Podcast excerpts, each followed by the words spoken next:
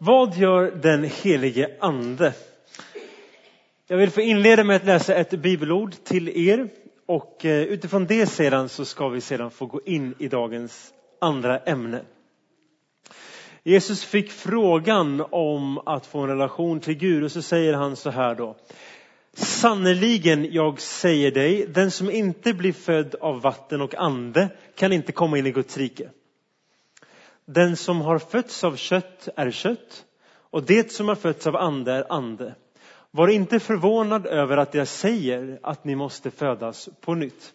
Vinden blåser vart den vill.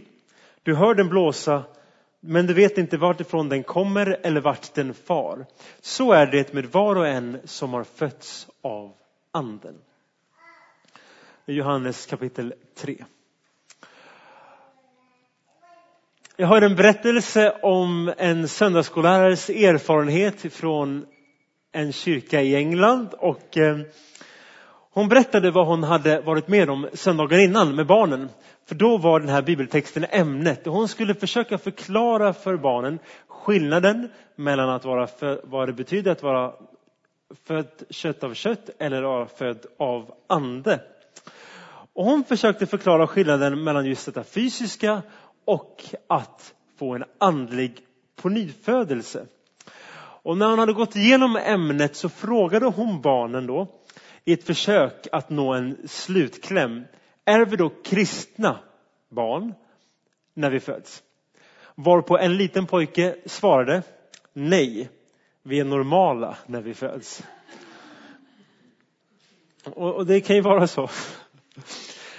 Mm. Ett barn som föds Ehm, barn kan komma till på många sätt nu för tiden men ett barn som föds i en traditionell mening sker genom kärleken mellan en man och en kvinna som har förenats i en sexuell gemenskap. Och i Guds rike så är det på liknande sätt. När människans ande, din och min ande, förenas med Guds ande så föds en ny varelse, ett nytt liv inom oss. Och det är det Jesus menar när han säger det som vi läste tidigare här, att ni måste födas på nytt. Jesus lyfter fram att den fysiska födelsen, att bli en människa, inte är nog och att vi behöver födas på nytt, men den här gången genom anden. Och det är det som sker när vi blir kristna. Varenda kristen är född på nytt. Det är som en synonym till att vara kristen. Och vi kanske inte vet exakt vilken tidpunkt det var. För en del är det en process, kanske någonting man nästan till har fötts också in i fysiskt. Men precis som vi var och en, hoppas jag, vet att vi lever i fysisk mening, så kan vi också få en förtröstan, en tillit att vi också lever gällande det andliga, att vi lever i andlig mening. Och när vi föds, då föds vi in till en familj. Min mamma sitter ju här i mitten, Kerstin, och eh, jag föddes in i hennes och min pappas familj. Och när vi föds andligen, då föds vi också in, fast i den kristna familjen. Och den helige Andes verksamhet, vad den helige Ande gör, det var en liten pojke som stängde dörren lite häftigt bara. När den helige Ande, hans verksamhet, vad det handlar om, det är att få föda oss in i den här familjen. Och därför vill jag ta några paralleller som finns kring familjelivet som vi känner det, för att förklara vad det är den helige Ande gör. Det är han som ger oss en förvissning om att vi har en relation till vår fader. Det är han som hjälper oss att utveckla relationen, ger oss egenskaper som behövs inom familjen, som skapar en enhet, förenar oss med våra syskon och ger oss gåvor och talanger. Och vi ska få se närmare på detta. Fram till den dagen då vi blev kristna, då var, då var den helige Andes verksamhet, uppgift, framförallt inriktat på att övertyga dig om att du behöver syndernas förlåtelse, att du behöver Jesus Kristus och att övertyga dig om att Jesus är sanningen och att du kan ha en tillit till honom. När vi sedan blir kristna så är hans uppdrag att låta oss få växa vidare in i den familjen vi nu får tillhöra. Så det första den helige Ande gör, det är att han låter oss få bli Guds söner och döttrar. När vi blir kristna blir vi en del av Guds familj, får bli en Guds son, en Guds dotter. Och det är för att skiljemuren mellan oss och Gud har rivits ner. Och jag kommer inte utveckla det mer idag, för det har vi gjort tidigare. Däremot på bokbordet vid receptionen, där finns det en del böcker som tar upp just detta med att vägen till Gud är öppen. Framförallt finns det ett litet smalt häfte som heter Varför Jesus, som jag kan rekommendera. Men Paulus skriver så här, nu blir det alltså ingen fällande dom för dem som tillhör Kristus Jesus. Och den syftar sig på, det är att Jesus har tagit på sig våra synder från det som har varit i vårt förflutna. Synder som gör oss påminda i vårt liv också idag, men också det som kommer att komma i våra liv. Gud har tagit hand om våra synder och begravt dem i havets djup, för att citera en profet från Gamla Testamentet. Och en holländsk författarinna som en del av er kanske känner till namnet på, Corrie ten Boom, hon har uttryckt det så här att sedan sätter han upp en skylt bredvid sjön där det står fiske förbjudet. Att vi ska som lämna det vi har fått förlåtelse bakom oss och gå vidare. Och Jesus ehm, han stryker liksom inte bara ut det som står på tavlan och gör den vit och ren igen.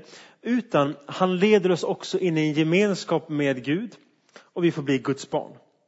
Och Jesus säger i Johannes 1 att åt alla dem som tror gav han rätten att bli Guds barn.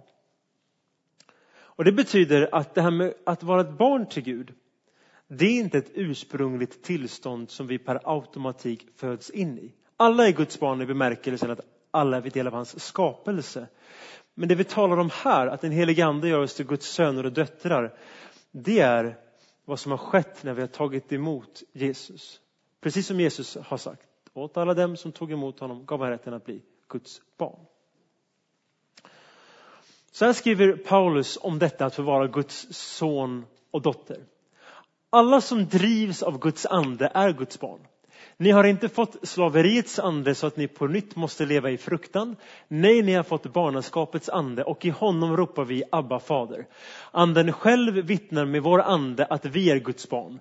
Och är vi barn så är vi också arvingar, Guds arvingar och Kristi medarvingar. Lika visst som vi lider med honom för att också förhärligas med honom. Och vad betyder nu detta? Ja, det finns en saga om en kung som tog sig an föräldralösa barn och gjorde dem till prinsar och prinsessor. Och man kan säga att i Jesus Kristus har den sagan blivit verklighet. Vi är ur ett perspektiv, alla människor, föräldralösa barn som Gud låter adoptera in i sitt familj. Där vi då får samma rättigheter som alla andra barn som skulle ha varit fötts in i det. Så det den helige Ande gör när vi får vara, bli en Guds son, en Guds dotter, det är att vi får det största privilegiet en människa kan få. För när vi blir medvetna om att vi är ett Guds adoptivbarn, vad större i livet kan du uppnå eller vara med om? Vilken större rush, kick kan du söka som kan ge samma glädje? Vilken lycka i så att säga karriärshierarkin kan du komma? Det går ju som inte komma bättre än att få bli ett barn som får ärva det som världens skapare har att ge. Så det är det första den helige Ande gör. Han vill ge oss det största privilegiet att få bli Guds barn. Det andra som den helige Ande gör är att han leder oss in i närmast tänkbara position. Paulus säger, som jag läste tidigare, att vi får ropa Abba, fader. Vad betyder det? Ja, I Gamla testamentet så talas det ingenstans om Gud som fader. Men det är Jesus som inför det ordet. Och då använder han ordet Abba som är arameiska och den svenska motsvarigheten närmast är kära far eller pappa. Och det är för att vårt ord pappa för de allra flesta av oss uttrycker något av ett kamratligt förhållande till en god auktoritet, ens förälder. Och det är den varma, kan man säga, nära gemenskap som Gud låter oss få del av genom hans ande. Jag upprepar igen det jag läste tidigare. Ni har inte fått en ande som gör er till slavar så att ni ska leva i fruktan, utan en som ger söners rätt. Våran kung, Karl XVI Gustav har ju många titlar. Jag kan dem inte alla, men jag kan den viktigaste. Ers Majestät. Det är ett av de tilltalen som han har. Skulle vi träffa honom så skulle de flesta av oss försöka åtminstone att använda sig av den titeln. Men om vi tittar på kungabarnen då, Victoria, Madeleine och Carl Philip, så är frågan, tilltalar de sin far, ers majestät? Mest troligtvis säger de pappa. Och när vi blir Guds barn så kommer vi in i samma nära relation till Gud. Och det här är ett stort under, därför många av oss, och det är vanligt i vårt samhälle, att detta med Gud upplevs så fjärran, så svårt att tillgodogöra sig. Men den helige Ande vill göra det nära. John Wesley, en känd predikant från England på 1700-talet, han var mycket religiös, skriver han, innan han blev omvänd. Så han var i det kyrkliga hängnet, men han var mer eller mindre religiös, som han uttrycker det. Hade inte den personliga relationen. Och så här sa han för att sammanfatta sin egen omvändelse. Jag bytte ut tjänarens tro mot sonens tro. Det tredje som den helige Ande gör är att han, kan vilja ge, eller han vill ge oss en djup erfarenhet av Gud på ett ojämförligt sätt. Som jag läste tidigare, anden själv vittnar tillsammans med vår ande om att vi är Guds barn. Det helige Ande vill att vi ska veta djupt inom oss att vi är ett Guds barn. På samma sätt som jag vill att mina två barn ska veta att jag älskar dem och, och, verkligen uppskattar dem, så vill också Gud att vi som hans barn ska vara förvissade om att han älskar oss och att han lever i gemenskap med oss. Min mormor och morfar hade en spännande upplevelse på det här området. Det var följande så. De båda är, har sin uppväxt och bakgrund i missionsförbundet som det hette på den tiden. Och de var engagerade i kyrkan och gick på söndagarna och ehm, eh, hade en trygg tro som, som kristna. Sen hände det sig som så att min mormor kom till ett sammanhang då hon fick höra talas om den helige Ande. Vi kan få lära känna den helige Ande och bli uppfyllda av det. Det var för henne en helt ny kunskap. Och det förvandlar hennes liv betydligt. Den här stunden, det sammanhanget hon kom i den helgen. Hon kommer hem och min morfar märker att hon är som annorlunda. Jag har min mamma som vittne här, sitter och nickar så jag ljuger inte. Som kommer hem och hon märker, morfar märker och det liksom förblir hos henne att hon har som en ny sorts lyskraft omkring sig.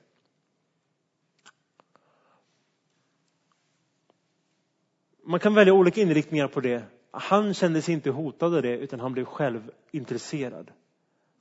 Så han såg till att också fara iväg på en retreatliknande helg som talade om den helige Ande. Och det kom att förändra också honom betydligt. De fick ett nytt ljus över sitt liv. Samma människor, samma gåvor, samma starka, svaga sidor. Men ett nytt ljus hade kommit in i den tro som de redan besatt. De fick en djup erfarenhet av det de hade tillhört sedan barnsben. Guds kärlek har ingjutits i våra hjärtan genom, han, genom att han har gett oss den helige Ande, skriver Paulus också i Romarbrevet. Det fjärde som den helige Ande vill göra, det är att ge oss en förvissning om våran trygga framtid. Vi läste ju att vi är Guds barn och då blir vi också Guds arvvingar. Och jag vill inte gå händelserna i förväg då, men tyvärr så mest troligtvis så kommer mina föräldrar dö före mig och min mamma och min pappa. Och det betyder ju att jag kommer ärva ifrån dem. Liknande är det också i Guds rike. Att vi ärver också. Skillnaden är dock att vi ärver när vi dör. På jorden ärver vi när våra föräldrar dör, i himlen ärver vi när vi dör. Vi är Guds arvingar. Och vad är det vi ärver? Ja, vi ärver allt det som Gud har i sin himmel. En fullständig öppen relation med honom. Precis det som Jesus Kristus hade. Och evig kärlek, evigt liv tillsammans med honom. Ett annat område som den helige Ande vill verka i, det är att utveckla relationen till Gud. Födelsen är en stor händelse efter ett havandeskap. Jag har ju fått vara med om det vid två tillfällen. Och det har varit stora fantastiska dagar. Om än det är sant så är det än större för mig att nu har fått leva ett par år med mina barn. Och jag ser med spänd förväntan och glädje fram varje dag som jag får leva med dem. Om en födseln var stor är det nästan större att naturligtvis få leva med dem. Och så är det också i den himmelska relationen. På samma sätt som vi växer och fördjupas i vår gemenskap med Gud så är det stora naturligtvis att vi fick bli ett Guds barn, blev frälsta eller räddade. Men det är än större att få vara med om att ens relation till Gud växer.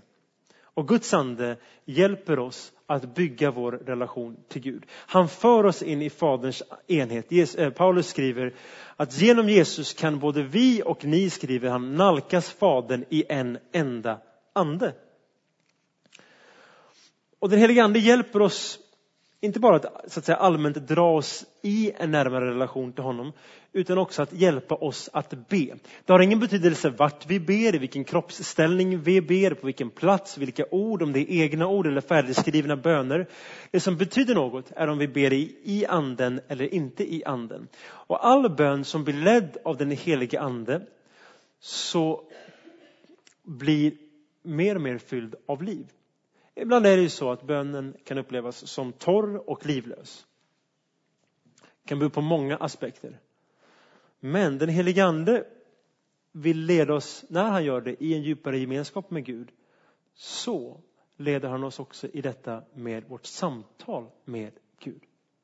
Föreställ er att ni fick komma till hovet och träffa kungen. Jag, jag är inte royalist, men jag är vad man kallar i alla fall för monarkist. Jag är för detta, tycker det är positivt. Så för mig skulle det vara en stor händelse att få en inbjudan till slottet. Du ska få gå på en gala där kungen kommer vara närvarande.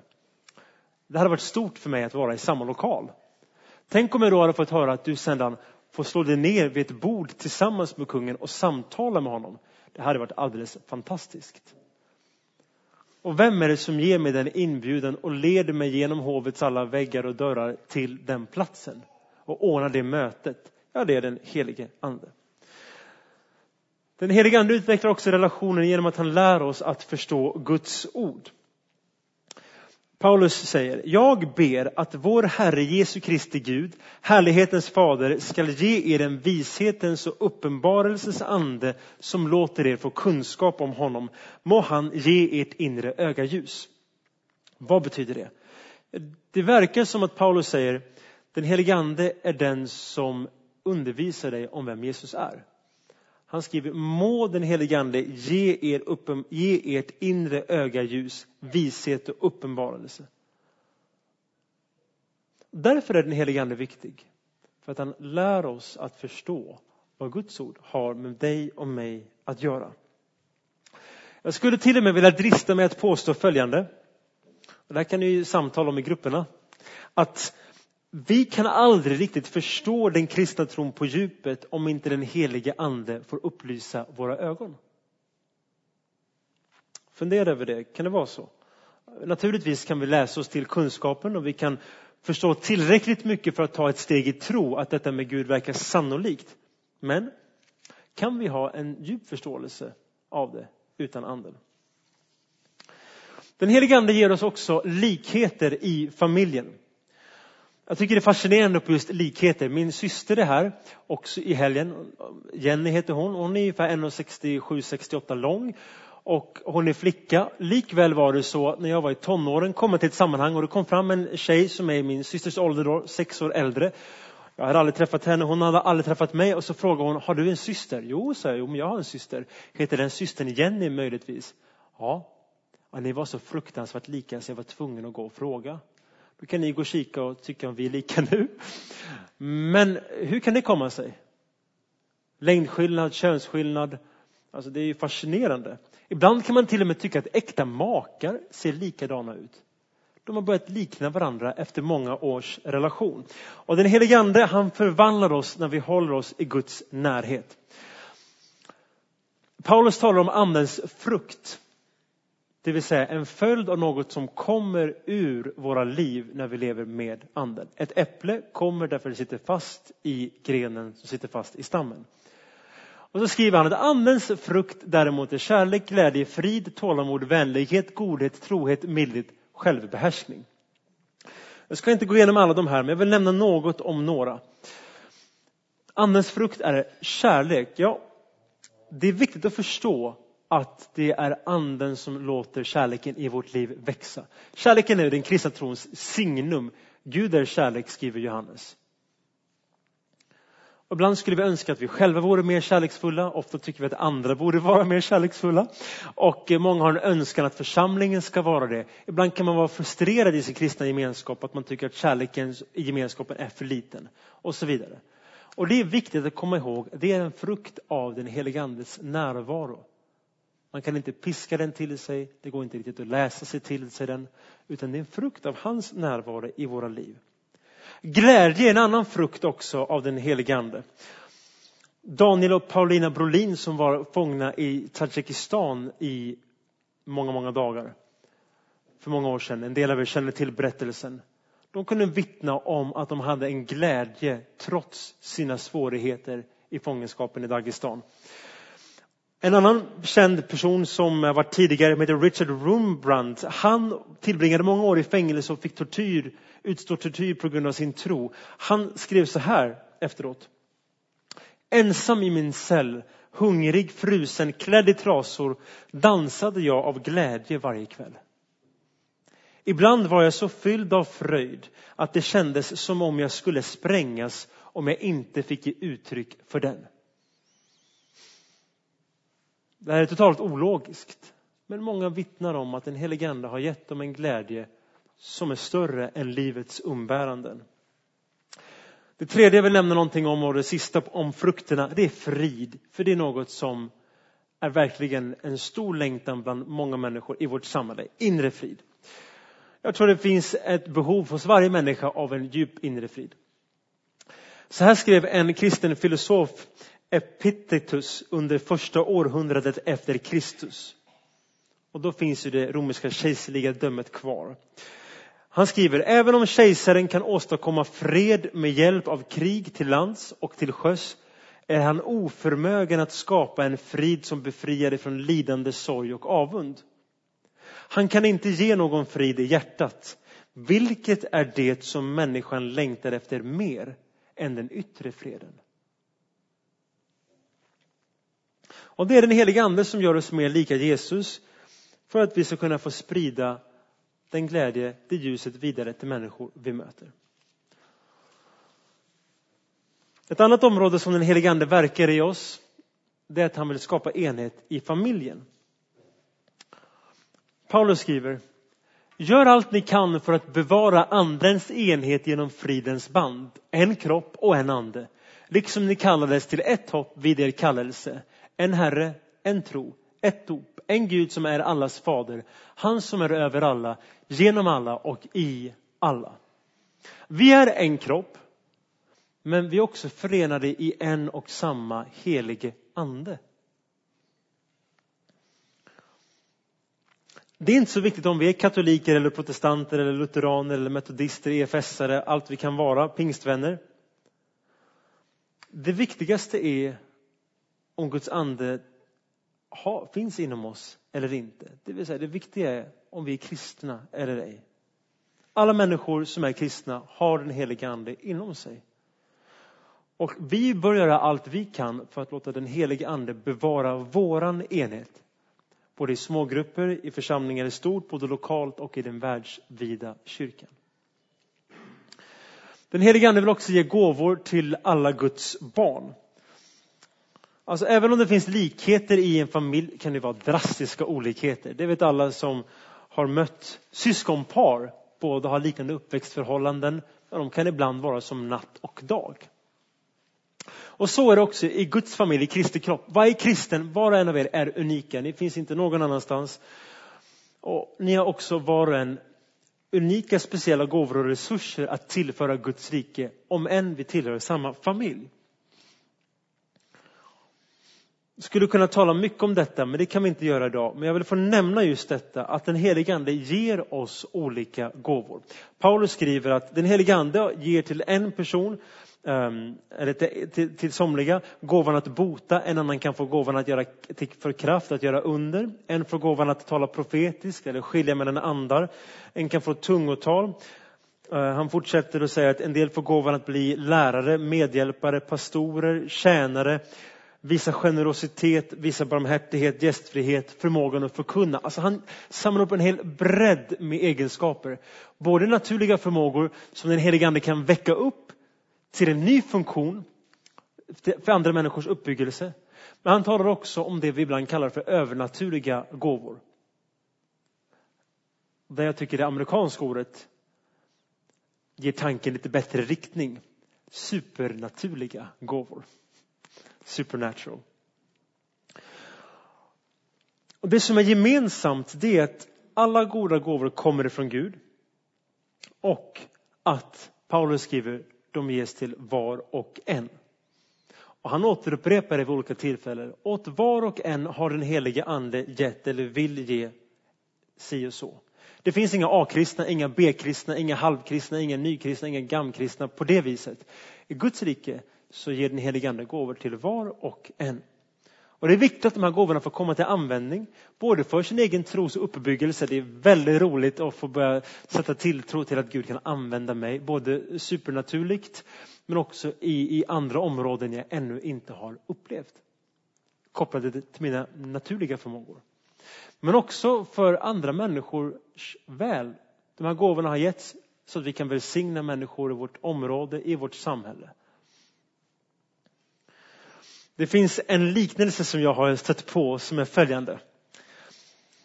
Församlingen liknas vid en fotbollsmatch där tusentals människor som är i desperat behov av motion betraktar 22 personer som är i desperat behov av att få sätta sig ner och vila. Allegorin här är ju då att ehm, de här 22 personerna, det är personerna på en 11 fotbollsplan. Ofta är det några få individer som får ganska stort Eh, ansvar att göra många uppgifter. Många gånger helt frivilligt. Ibland kan man känna sig tvingad in i det för, av olika anledningar. Ingen annan gör det och så vidare. Och Då kan det bli en negativ fokusering. Vi måste hitta någon annan så att någon annan kan göra det här. Vem kan göra det här som ingen vill göra? Lite så. Men ännu mer så finns det detta av att de andra tusentals som sitter runt omkring ännu har inte fått uppleva vad det är att få vara med och spela i matchen. Allegorin faller ut eftersom att där den går fel är för att den handlar om trötthet och man vill stiga av planen. Men där allegorin, bilden träffar rätt så är det att tänk hur många skulle inte vilja spela med Zlatan på fotbollsplanen? Jag hade gärna gjort det. Tänk vad roligt. Och här ger Gud, den helige Ande, oss möjligheten att alla får vara med och spela. Det är ju underbart. David Watson en engelsk kyrkoledare påpekade följande. Jag citerar. I olika traditioner har kyrkan i åratal varit antingen predikstolscentrerad eller altarcentrerad.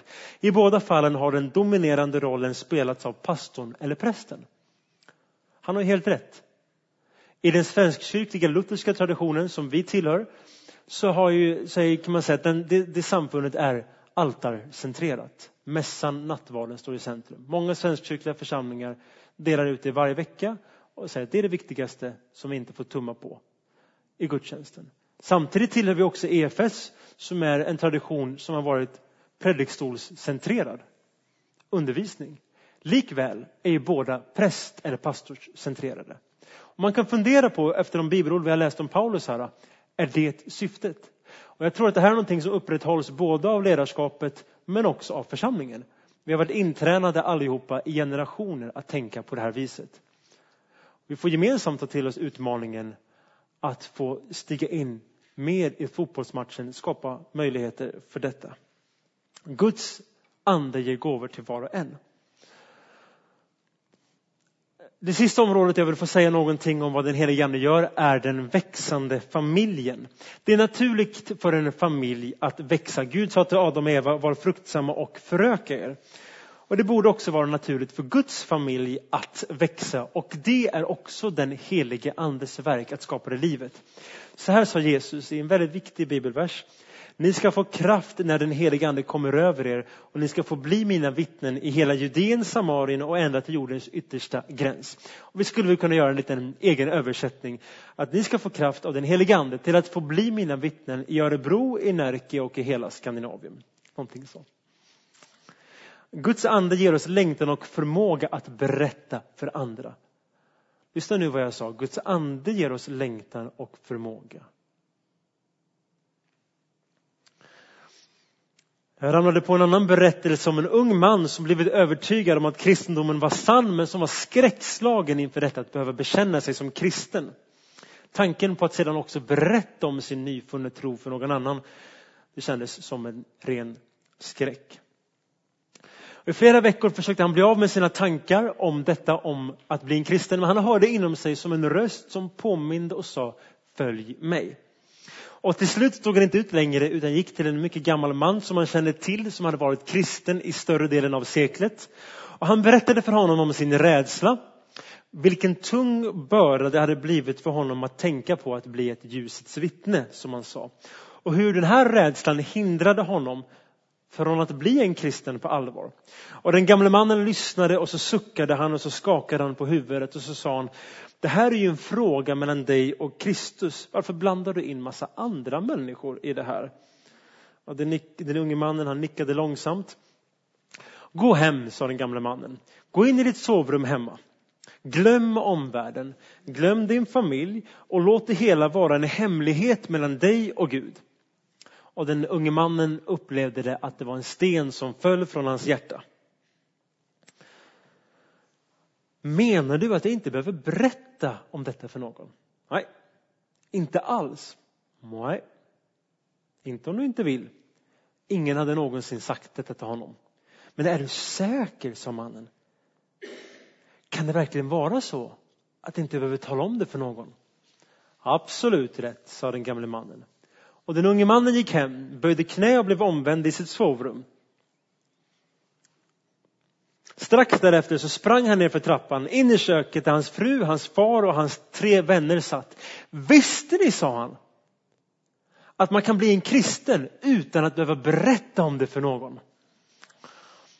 När vi upplever Guds ande, så, vilket vi gör när vi lär känna Kristus och blir en kristen, Följden av det är att den helige Ande skapar och kan skapa än mer längtan och glädjen och friheten ska tilläggas att dela det för andra. Bördan faller av. Det är inget krav, det är någonting som väcks. I det här kapitlet så har jag försökt tala om några olika områden om vad den helige Ande gör att den helige Ande gör oss till söner och döttrar i Guds rike. Att den helige Ande vill upp, eh, utveckla vår relation till Gud. Också förtalat om att den helige Ande vill ge gåvor och att den helige Ande är den som ger kraften att berätta om Jesus Kristus med glädje till andra. Jag vill få avsluta med ett bibelord från Romarbrevet 8. Att den som inte har Kristi ande tillhör inte honom. Och där sammanför han just detta att när vi blir kristna så får vi den helige Ande. Ändå är det så att vi kan ha, och vi har den helige Ande, och vi kan samtidigt inte vara uppfyllda av den helige Ande. Och vad menas med det? Paulus skriver till en församling i Efesos, de är kristna allihopa, och han skriver låt er uppfyllas av den helige Ande. Det finns någonting mer, även om vi redan har det. Det kommer vi tala mer om i afton. Gud vill fylla oss var och en med sin ande. En del av oss längtar efter detta. En del av oss ser med spänning fram emot tiden framöver. Somliga av oss har ingen längtan eller törst efter detta. Låt det vara som det är för dig. Har du en önskan om en djupare längtan? Också där är en god start att börja samtala med Gud. Heligande, led mig till det att jag bör längta efter dig och detta jag har talas om.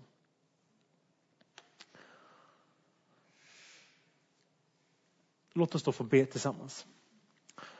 Vi tackar dig heligande att du finns ibland oss och att du vill göra saker och ting i våra liv och dra oss närmare Jesus. Led oss nu i de samtal vi har och de funderingar vi var och en har i detta. I Jesu namn. Amen.